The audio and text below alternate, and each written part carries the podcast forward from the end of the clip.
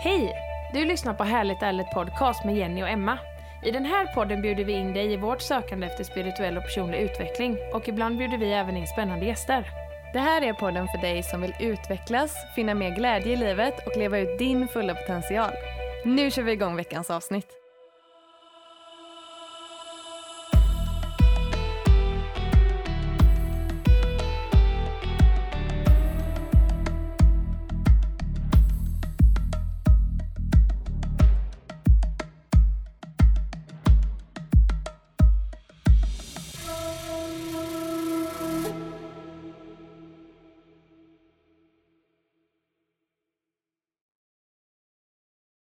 Välkomna till ett nytt avsnitt av Härligt ärligt och vi är ju tillbaka hemma hos mig eh, med förra veckans gäst. Varmt välkommen tillbaka Leila.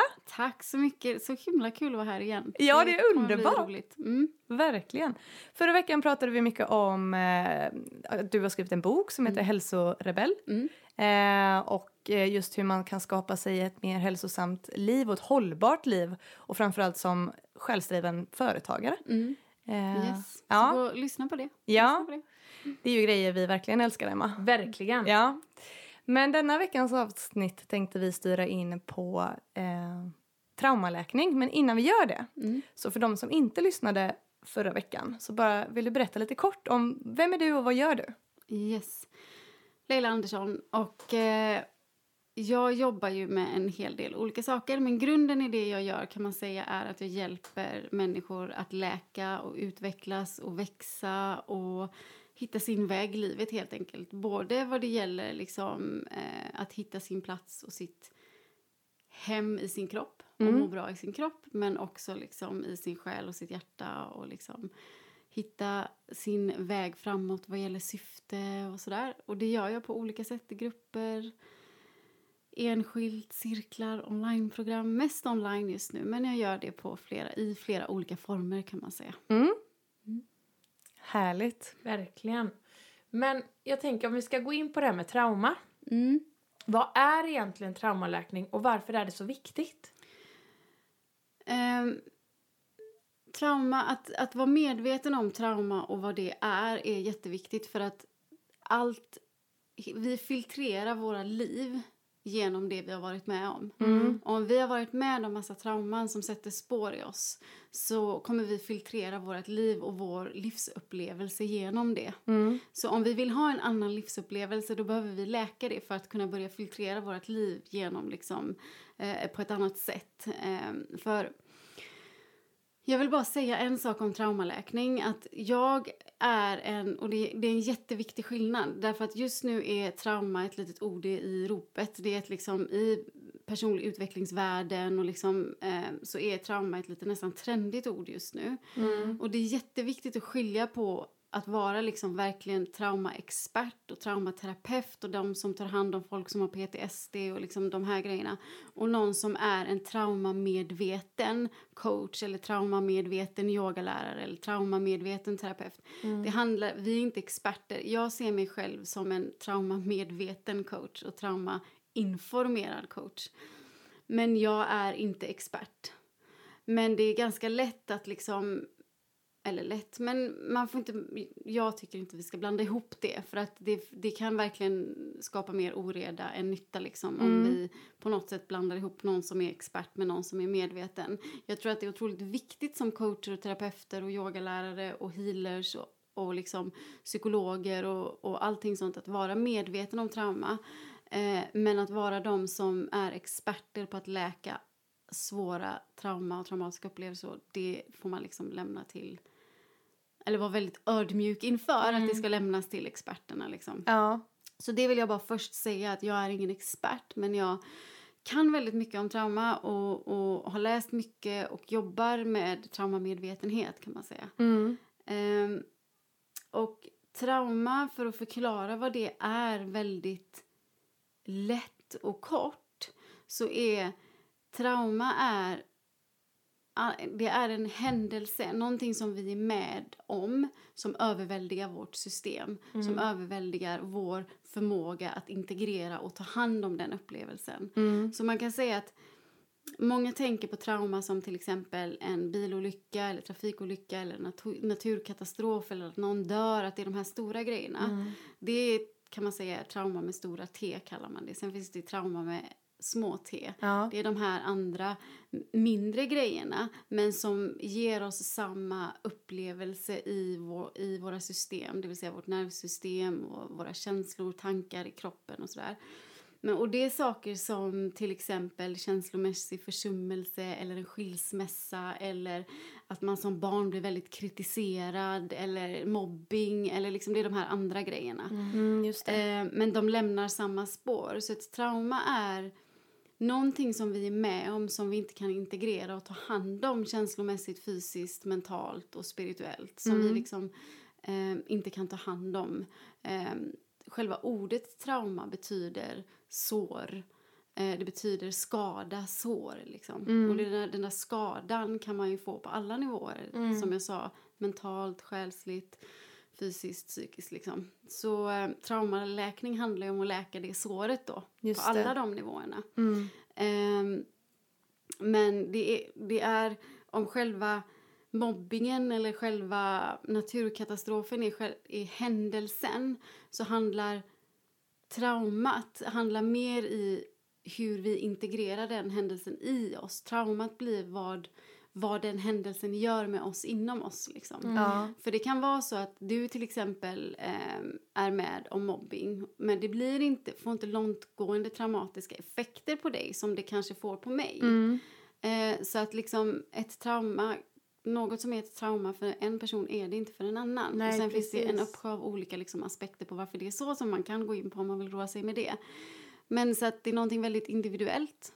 Det är någonting som sker på alla nivåer inom oss och fysiskt. Det är någonting som överväldigar oss som vi inte kan, en upplevelse, en händelse som överväldigar oss som vårt nervsystem inte kan ta hand om, som vi inte kan ta hand om. Liksom. Nej. Det stänger av oss, ett trauma stänger av oss känslomässigt, mentalt. Det kopplar ifrån oss från våra relationer och allting. Vi blir, kan bli liksom frånkopplade och avstängda. Mm. Jag tror det var svar på frågorna. Ja, verkligen. Mm.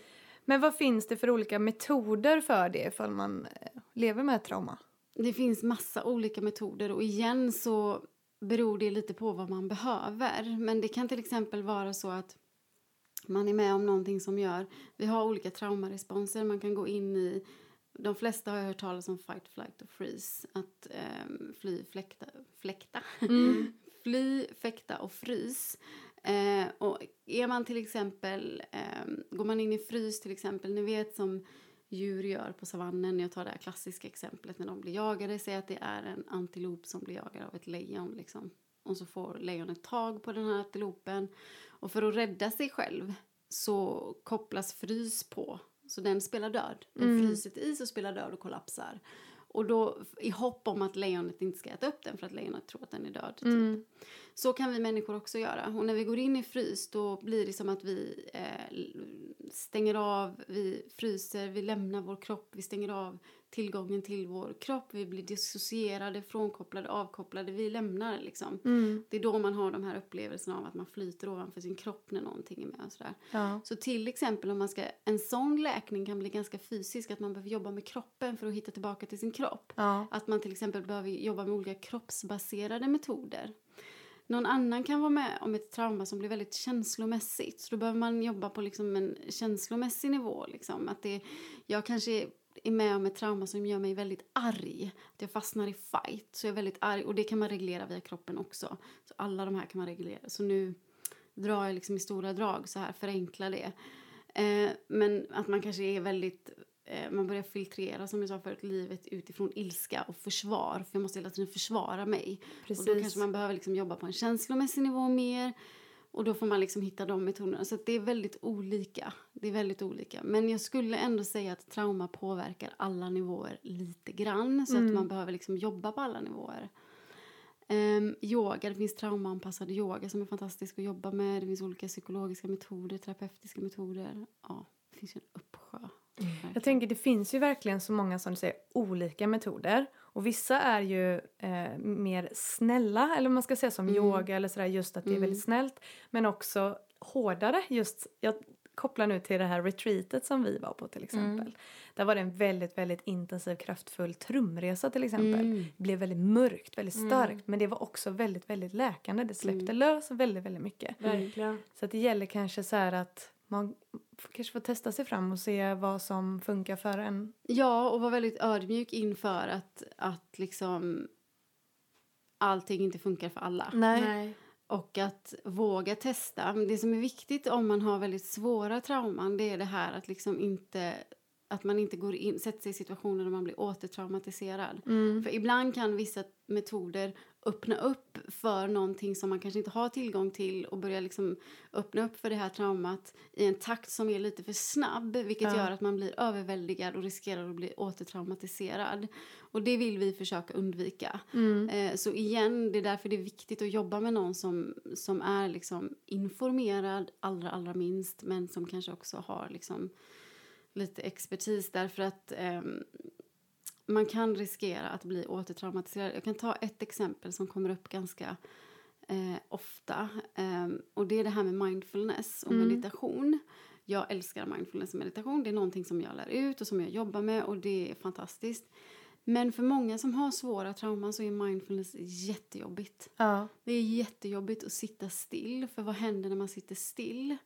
Då kommer ju alla bilder Mm. och kroppen blir alldeles nipprig och Mm. man liksom, det gör ont att sitta still och man blir alldeles nervös, man får ångest. Det, blir liksom, det kan bli för mycket. Mm. Så att man klarar inte av att sitta där och liksom bara blunda och andas och se på bilderna som bara flashar i huvudet och liksom kroppen blir helt stressad. Och, liksom, och ofta kan man då få, nu hoppas jag upplever att många liksom meditationscenter och lärare och sådär blir mer och mer medvetna om, om det här. Men just inom mindfulness och sådär så får man ofta rådet, nej men bara fortsätt. Mm.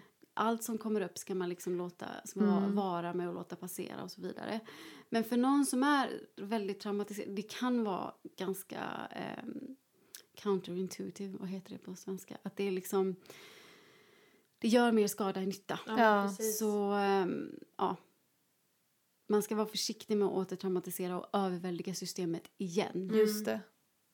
Ehm, mm. Men där är det ju väldigt bra. För att idag finns det ju så många olika former egentligen utav meditation. Alltså som Mm. vi gjorde också på retreatet. Skogsbad. Ja. Alltså att det blir lite mer aktiva Ja. meditationer. Mm. Yes. Det är egentligen någonting egentligen som jag... Alltså, jag gillar det väldigt mycket. För att det, det gör på något sätt att jag är i kroppen fast jag använder den samtidigt. Mm. Och jag gillar det väldigt mycket. Samtidigt som jag också tror att jag behöver egentligen det här verkligen att bara sätta mig ner, grunda mig och vara liksom still. Mm. Men jag gillar aktiva meditationer mycket mer. Mm. Och det, det kan vara så att man, man kan göra både och. Mm. Men det kan också vara så att till exempel, för det är någonting som jag brukar säga ibland när man eh, gör meditationer, om man tycker att det är jobbigt för att det blir liksom för intensivt och man, man, det blir för svårt, att man faktiskt kan ställa sig upp och gå. Mm. Man kan göra gående meditation för då använder man kroppen lite grann och då, men då, och då kan man ju göra det tills man kanske kommer till en punkt att man kan sätta sig och Mm, sitta precis. utan att man blir överväldigad. Så det handlar om att göra det i ens egna takt. Så att man kan absolut komma dit men att man, att man liksom igen då individualiserar så att man ser att okej du behöver göra det på det här sättet i den här takten Mm. och för dig funkar det att bara sätta det rakt rätt upp och ner Mm. och göra så liksom. Precis. Så att, att man liksom känner in det där. Väldigt viktigt, tror jag. Mm. För det är också viktigt där att det inte blir liksom bara en form. Att Nej, alla liksom ska göra på exakt samma sätt. För Nej. vi är ju olika. Ja, Väldigt viktigt. verkligen. Mm. Ja.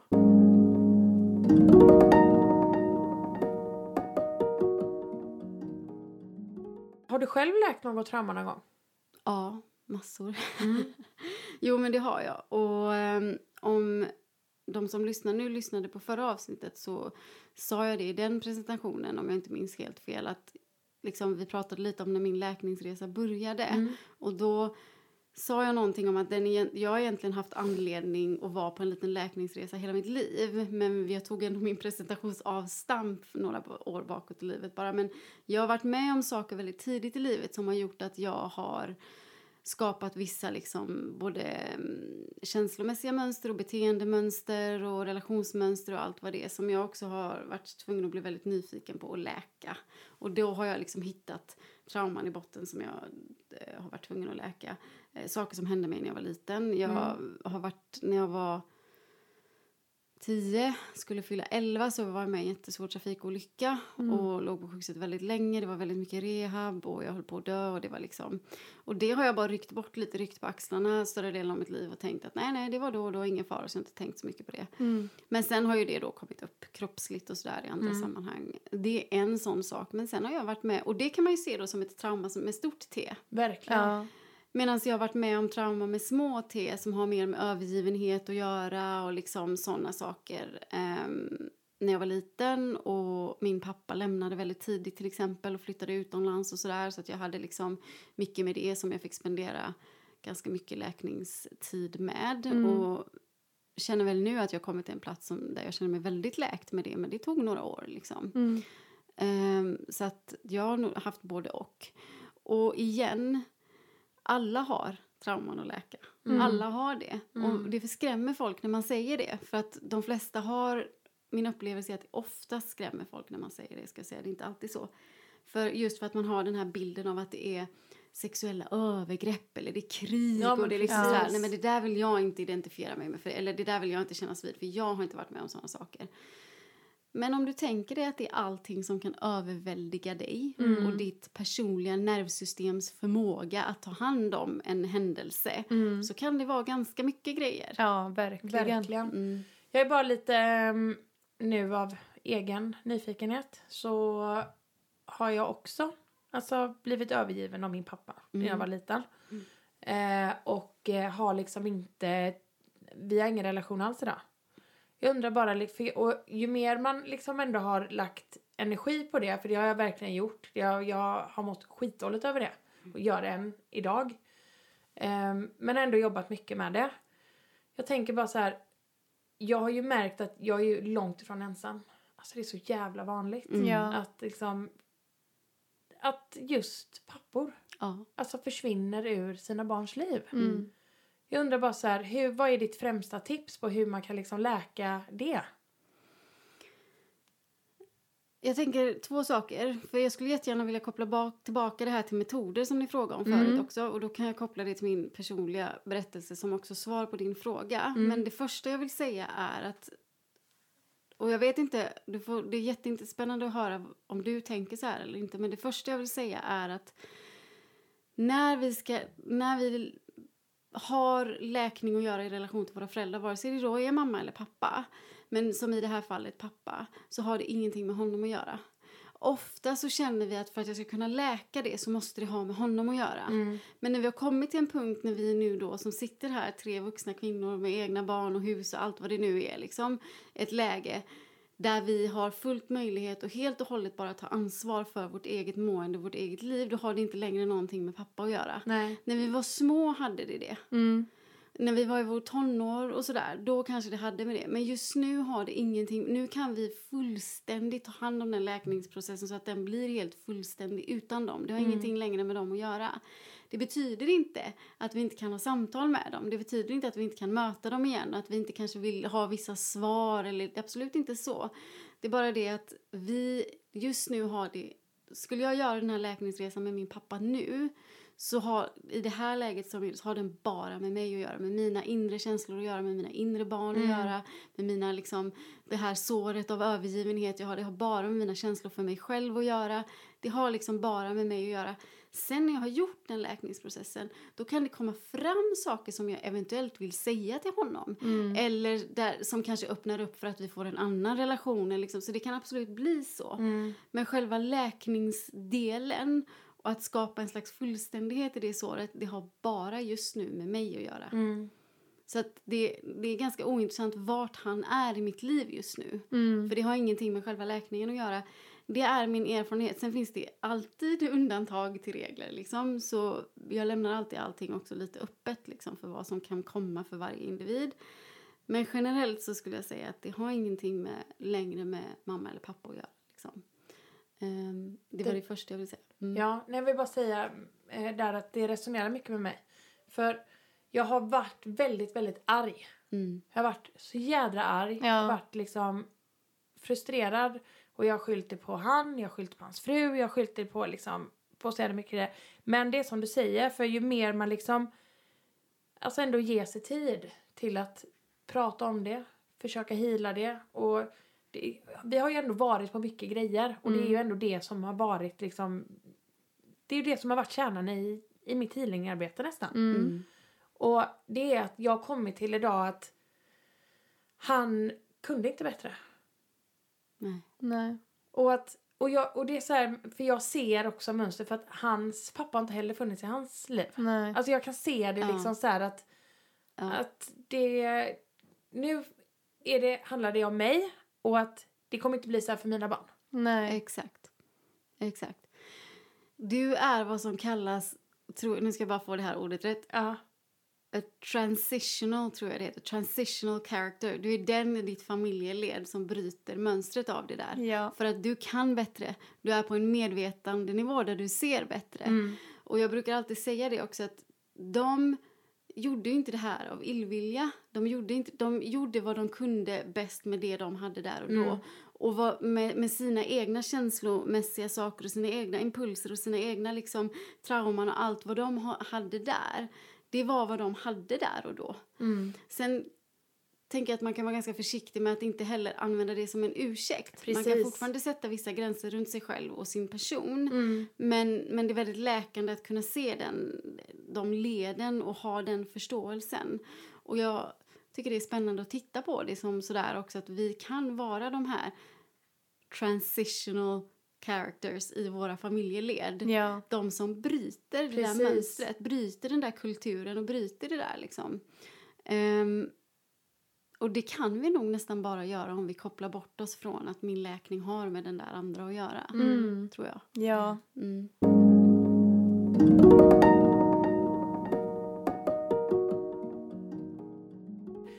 Här inre barnet. Mm. Hur läker man bäst det? Ta hand om det. Mm. Ge det, eh, skapa en relation med det inre barnet. Vi kan ha flera inre barn, vi kan liksom ha inre barn i olika åldrar och vi kan ha liksom det inre sårade barnet, det inre arga barnet. Mm. Det finns liksom, och också lite beroende på vilket perspektiv man tittar på och vilken liksom, terapimetod eller vilken skola man tittar ifrån så liksom, kallar man det olika saker men det är egentligen samma sak alltihopa. Ehm, så man skapar en relation.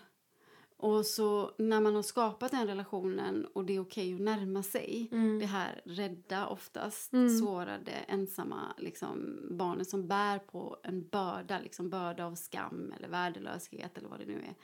När man liksom får närma sig det barnet och skapa den relationen då kan man liksom ta över föräldraskapet. Man kan visa det barnet ut sitt vuxna jag Mm. att man är här och att man kan ge det barnet allt det som det barnet inte fick Nej. av vem det än nu var. Mm. Eh, och det gör man ju oftast via visualiseringar och sådana övningar. Liksom. Man kan skriva brev, Mm. man kan skriva som sitt vuxna hälsosamma jag. Ska, kan man skriva ett brev till sitt inre barn. Man kan också skriva ett brev som sitt inre barn till en förälder. Och då kan man skriva liksom från sin icke-dominanta hand. För då brukar det oftast bli verkligen som ett barn skriver. Och Ah. då kommer det fram saker som man bara wow, vänta Ja. lite här nu. Det finns mass- men det viktigaste är att skapa en relation och tillåta det barnet att visa sig på det sättet som du behöver visa sig och Mm. att tillåta det barnet att ha då, de behoven som det barnet har. Inte vifta bort det med att om jag är vuxen nu så jag borde inte, den delen av mig borde inte känna så. Jag fattar ju nu, jag är vuxen, allt är bra och Mm. allt är förlåtet och allt är du vet. Behovet finns. Mm. Och det är liksom att tillåta det. Ehm, mm, Verkligen. mm, För det är ändå också så här. Jag menar jag och min bror har ju varit med om samma sak. Men mm. vi har ändå hanterat det på olika sätt. Han är mycket där. Men gå vidare. Mm. Kom igen nu. Mm. Älta inte. Vad håller du på med? Men jag vet inte om det är också en liten kvinnlig grej. Kan vara. Kan vara. Ja. Och jag möter det ganska mycket när jag jobbar med klienter och sådär. Så vi har exakt, exakt nästan på orden det du sa nu. Ja. Om just syster och bror. Så det kan vara så. Men jag har pratat med män som känner så likadant också. Mm.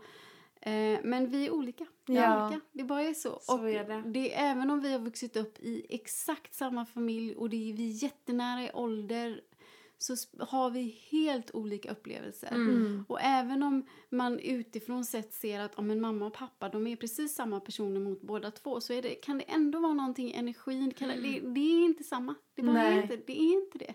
Det är Nej. så sant. Det är liksom vi vuxna kanske ibland vill tänka att det ska vara så för att det gör det lättare för oss Ja. om vi tittar på våra barn eller våra föräldrar tittade på oss. Mm. Men det är inte så. Nej. Det är inte så. Nej. För vi är så Mm. olika liksom. Ja, det är vi verkligen och det är också det som är det fina. Mm. Men du Leila, du jobbar ju också med eh, delpersonligheter.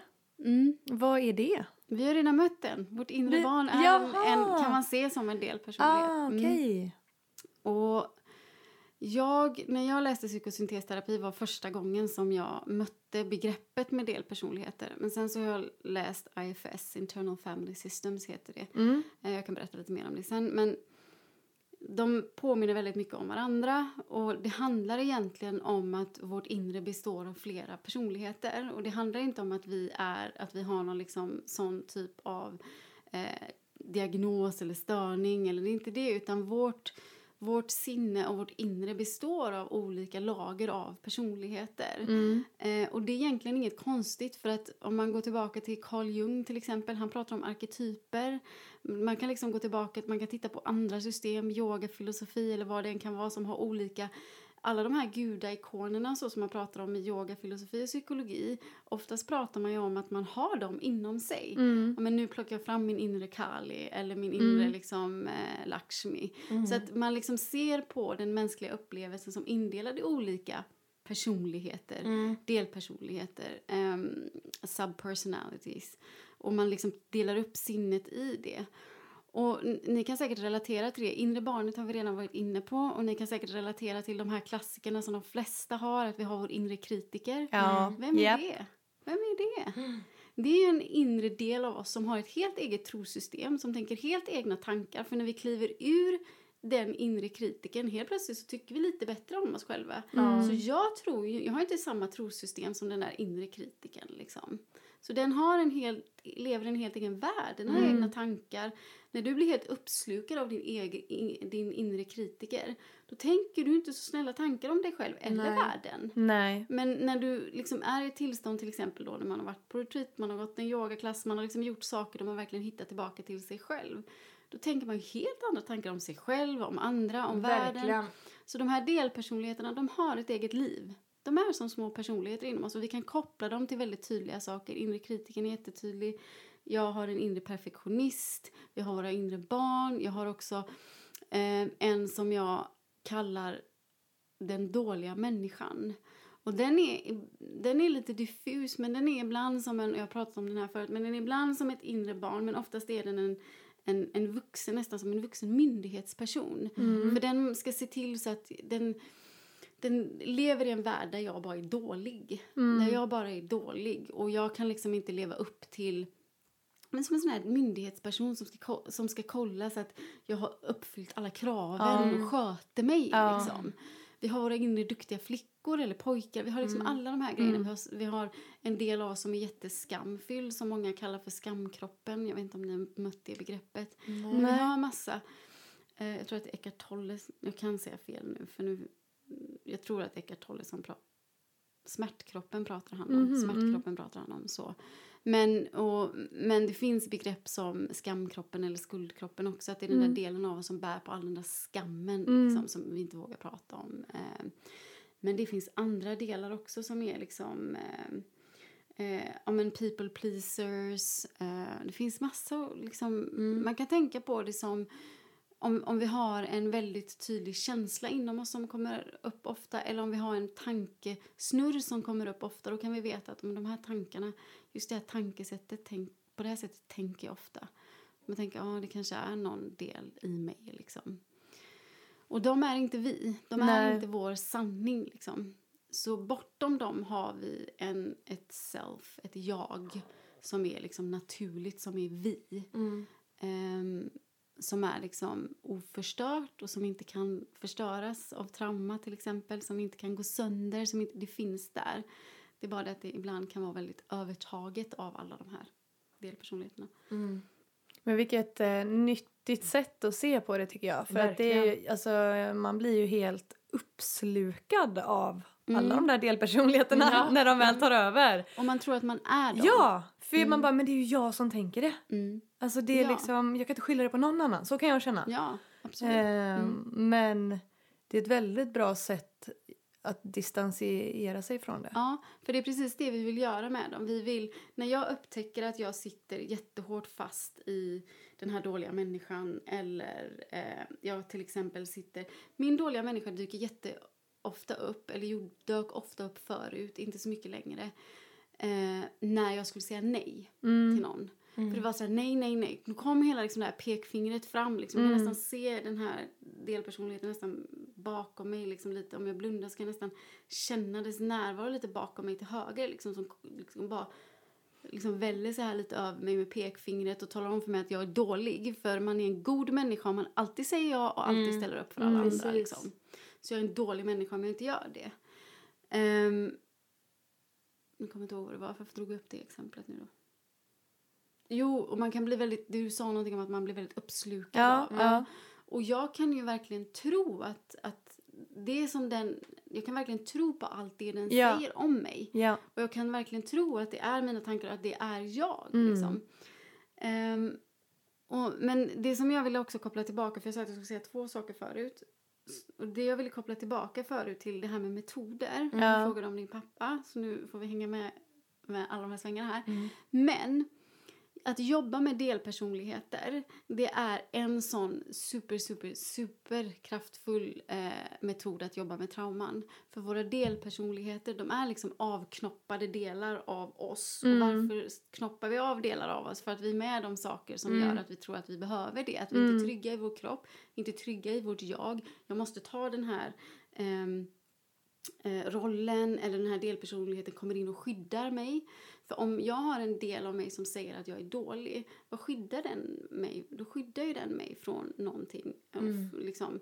Och vad gör den? Jo, den ser ju till kanske att jag inte ska misslyckas eller att Ja. jag inte ska, vad det nu är liksom. Så att jag inte hamnar i ett läge där jag kanske blir utanför flocken för att jag gjorde något dåligt Mm. eller vad vet Ja, jag. liksom. Så att de här delarna, de är... ehm, de kommer sig av vad heter det? behov som inte varit tillgodosedda, trauman vi har varit med om, allting sånt. Mm. Ehm, så att, att jobba med delpersonligheter har för mig varit ett av de effektivaste sätten och en av de effektivaste metoderna att läka trauman. Och det var det jag ville bara säga som en andra sak Mm. förut när du tog upp det. Att liksom koppla det till metoder. Hur läker Mm. man trauman? Vilka metoder är bäst? Och det här är en av de bästa. Mm. Som personligen har hjälpt mig mest. Mm. Verkligen. Ehm, och sen har jag hållit på med andra saker också eh, som jag kan nämna sen. Men ehm, delpersonligheter är otroligt effektfullt. Mm. Otroligt effektfullt. Hur, jobbar, hur jobbar du med det?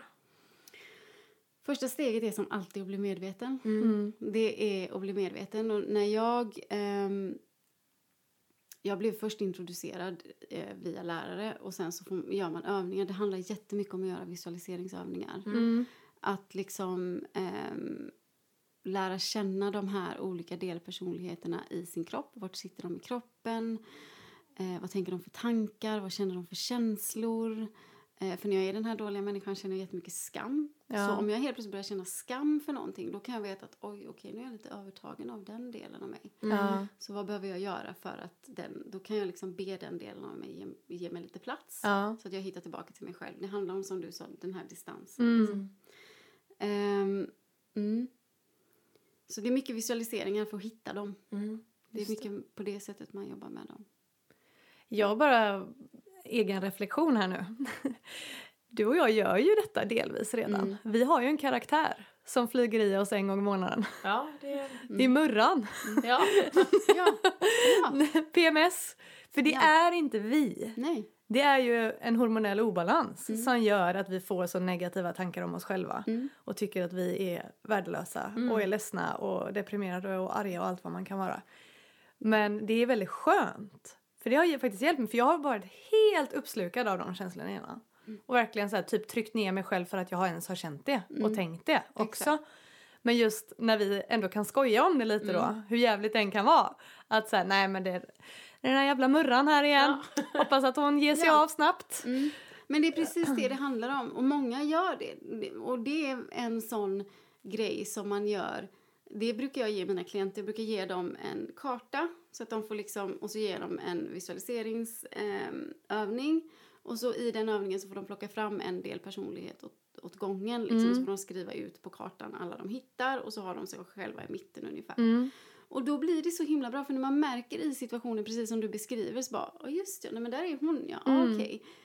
Hon är välkommen för att den här delen av månaden så är hon bara här. Mm. Hon gör någonting för mig. Vad gör hon för mig? Jo, hon talar om för mig att jag kanske behöver ta hand... Egentligen kanske hon talar om för mig att jag behöver ta hand om mig lite Ja, extra här. Exakt. Men jag har inte tid med det så jag blir bara skitirriterad på henne. Ja. Och när jag inte har tid med det eller vad det nu kan vara då triggas mitt nervsystem lite och allting är bara helt öppet och liksom som man är Mm. när man är i det tillståndet. Och då blir man bara irriterad och så kommer det ut på det sättet. Men det kanske är så att hon faktiskt är här för att hjälpa dig. Så hon Ja. är välkommen. Hon är välkommen. Ja. okej? Åh, fint det Ja, men var! ja. Gud, ja! Men du behöver inte, så du behöver inte bli arg på henne, du behöver inte tycka att hon är irriterad eller liksom sådär. Eller du behöver inte bli irriterad på henne, du behöver inte tycka att hon är störig. Men du kan få lite distans och så kan Mm. du kanske säga till Murran, du kan prata med henne och säga du eh, kan vi ta det lite lugnt nu? För jag är Mm. faktiskt, jag behöver space. Kan Mm. du ge mig Mm. lite space nu och Mm. bara se vad som händer? Mm. Precis. Mm. Och det är jättemånga, när jag ger mina klienter de här övningarna de får mappa ut liksom sina, de ger dem namn. Det är bland det första man gör, Ja. att man ger dem namn. Det är jättemånga som ger sin inre kritiker ett namn. Mm. Jag har hört allt möjligt vad de kallar, folk kallar sig. Jag har faktiskt inget namn till min inre kritiker. Nej. Men då, det är liksom... ehm, och det lättar upp det lite också Ja. när man Mm. ger dem namn. De Mm. blir välkomna, man får lite distans och man liksom hittar tillbaka till sig själv och det lättar upp det lite också. Mm. Mm.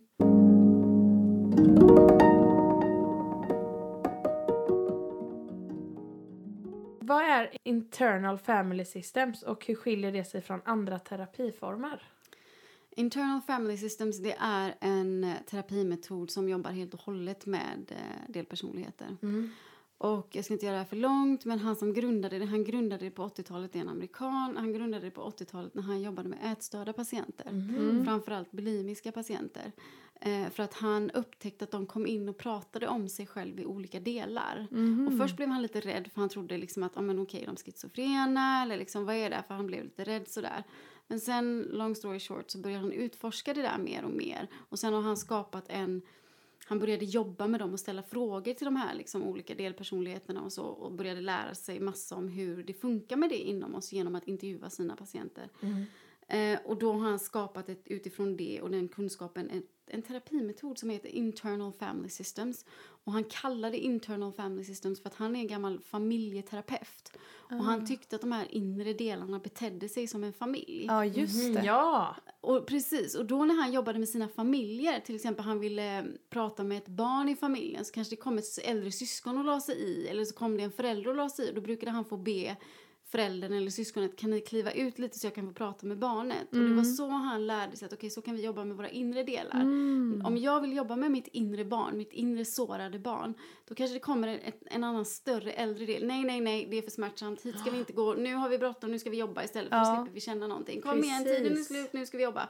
Då kan man liksom be den här workaholic-delen, för jag har en workaholic-del, inom sig och bara, nej men kan du ta ett kliv åt sidan nu? Mm. Du är välkommen, du, allt är alltid välkommet. Ja. De är bara här för att skydda oss. Mm. Så det behöver vi tacka för. Men det, du är välkommen, men ta ett kliv åt sidan för jag vill prata med mitt inre barn här. Mm. Liksom.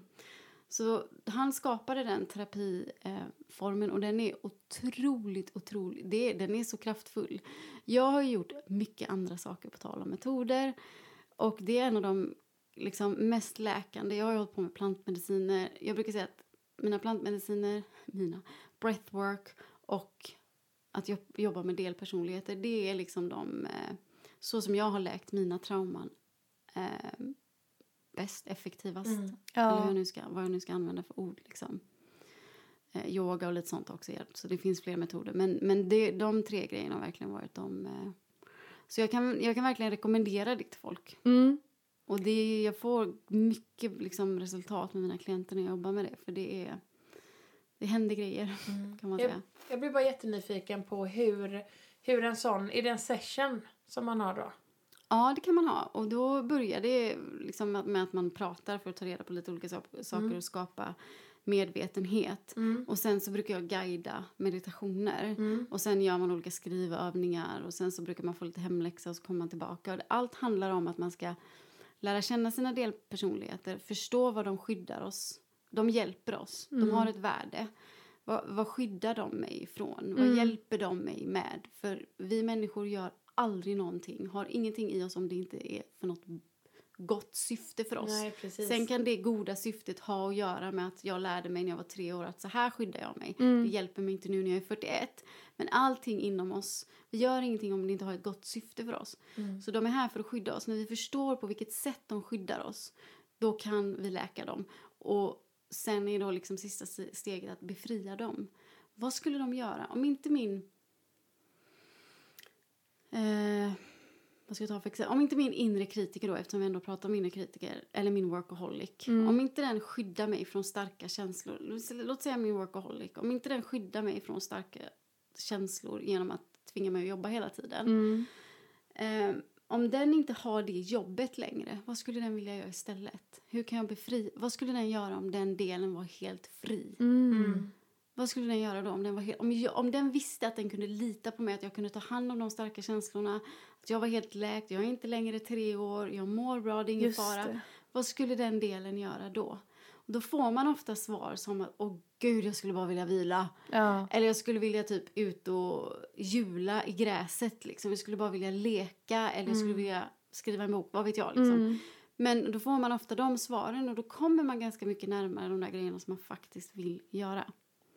Så att det handlar om att befria dem. Vi ska inte göra oss av med dem. Vi ska inte göra oss av med murran. Nej. Nej. Gud, jag tycker det här är så fint. Det är så sunt sätt Ja, att se Det är det oftast här. därför det är så kraftfullt. Därför i många andra terapimetoder, eller om vi ens går till mindfulness, där är mindfulness säger ju de ju till och med att vi inte har, och inom buddhistisk mindfulness, att vi inte ens har ett self. I internal family systems och de här metoderna så pratar vi, man är väldigt tydlig om att man har ett self att Mm. förhålla sig till. Men i, och i andra terapimetoder då är det väldigt mycket sådär att vi ska göra oss av med de dåliga tankarna. Vi ska, göra oss, vi ska arbeta bort den inre kritiken. Vi ska liksom, men det går inte. Har vi inte redan försökt det? Mm. Vi måste ta hand om dem, transformera dem och läka dem Ja. och befria dem. Och det är då vi får space, det är då det händer grejer. Liksom. Mm. Det är därför den här metoden är så himla, den är verkligen på framfart. Det finns Mm. flera, flera tusen terapeuter i världen som använder sig av den. Mm. Så try it! Ja, spännande. Ja, gud. Jättespännande. Verkligen, det låter ju... Mm. Men du nämnde ju det här med plantmediciner också. Det är ju Mm. verkligen någonting som vi Mm. tycker är väldigt spännande. Mm. Eh, hur kan plantmediciner hjälpa i ens läkning?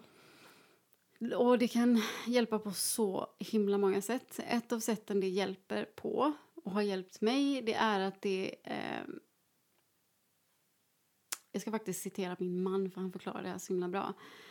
När man till exempel börjar, när man ska använda sig av andra metoder, man börjar meditera, man tänker att man ska testa det och sådär, då vet man inte riktigt vad man letar efter. Man vet att jag behöver läka, jag vet att jag behöver liksom, jag har något trauma här och kanske eventuellt, jag vet inte vad det är. Det är liksom, och så börjar man och så börjar man nysta upp. Det som plantmediciner gör det är att de visar dig vart du, de visar dig vart du ska börja. De kan visa dig hur du ska göra. Mm. Och de kan också ta dig en bit på vägen. Det är alltid du själv som i slutändan i integriter, integreringsarbetet måste göra det själv. Men de kan visa dig liksom vägen. Mm. De kan liksom visa dig, okej, här är spåret. Det är här. Liksom. De kan förstärka och belysa. Liksom. Ehm, vilket kan vara ganska omtumlande. För att igen då, apropå det här med försiktighet och återtraumatisera så behöver man ju då vara med någon som kan hålla ett safe space. Ja. Verkligen. Ja. Eh, så att man inte blir överväldigad. Men, men de, vi- de kan visa vägen. Ja. De visar vägen. De öppnar upp dig så mycket så att de visar vägen. Så att du slutar, som jag sa i början, om man till exempel sitter fast mycket i trauma, säg att du sitter fast i fight, liksom. Du sitter fast i, i försvarsläge. Mm. Då kommer du filtrera hela ditt liv genom försvaret. Du måste skydda dig mot andra människor, så intimitet blir, blir svårt. Du, du, relationer blir svårt. Du måste hela tiden skydda dig. Ehm, och tänker man på en del personlighetsnivå, då har du beskyddare liksom, som styr ditt liv. Och det som plantmediciner gör, det är att de får... ehm, de, om man gör det på rätt sätt så kan de få de här beskyddarna att slappna av och släppa. Mm. Och de kan få liksom hjälpa dig att få ditt nervsystem att liksom inte filtrera världen genom försvar hela tiden. Nej. Så att du kan börja läka. Det är liksom olika sådana saker det kan hjälpa till med. Mm. Jag tänker där, eh, så här, om, man, om, om man då säger man skulle göra någon, någon ceremoni med plantmediciner. Och så intar man det som man ska inta? För det finns ju... Det finns olika. Ja, det finns Mm. väldigt många olika. Nu pratar vi generellt liksom om, låt säga, liksom växtbaserade mediciner Mm. som liksom förändrar våra medvetandetillstånd. Vi pratar om det, men det finns flera olika. Men det här kan bli ett väldigt långt avsnitt om vi ska gå in på Ja. alla. Ja. Men jag tänker så här att, och så tar man det och då kanske det också kan komma upp sånt som man inte var beredd på. Med Nej. Jag största tänker så här- sannolikhet, ja. Ja, då tänker jag där, kan inte det bli väldigt överväldigande? Jo. Mm. Jo. Det är därför det är jätteviktigt att göra det under rätt omständigheter Mm. och att man är rätt förberedd. Och Ja. även om man gör det så kan det vara så.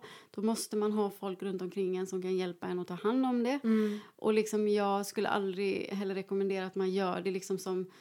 Nu vet jag flera som har gjort det liksom, och det har gått bra. Men jag vill ändå verkligen och det grövsta poängtera att man bör ha lite liksom eh, läkningsarbete under bältet. Så att man har börjat öppna Ja. sig för såna här saker. Så att man har liksom begrepp som till exempel att surrender. Vad betyder det? För när man jobbar med plantmediciner så behöver man kunna surrender Mm. i en ganska tuff situation. Liksom. Ja. Precis. Och annars kan det bli jättejobbigt. Så att det gäller att du har rätt personer runt om som kan hjälpa dig och förbereda dig. Men som också kan hjälpa dig att ta hand om saker efteråt.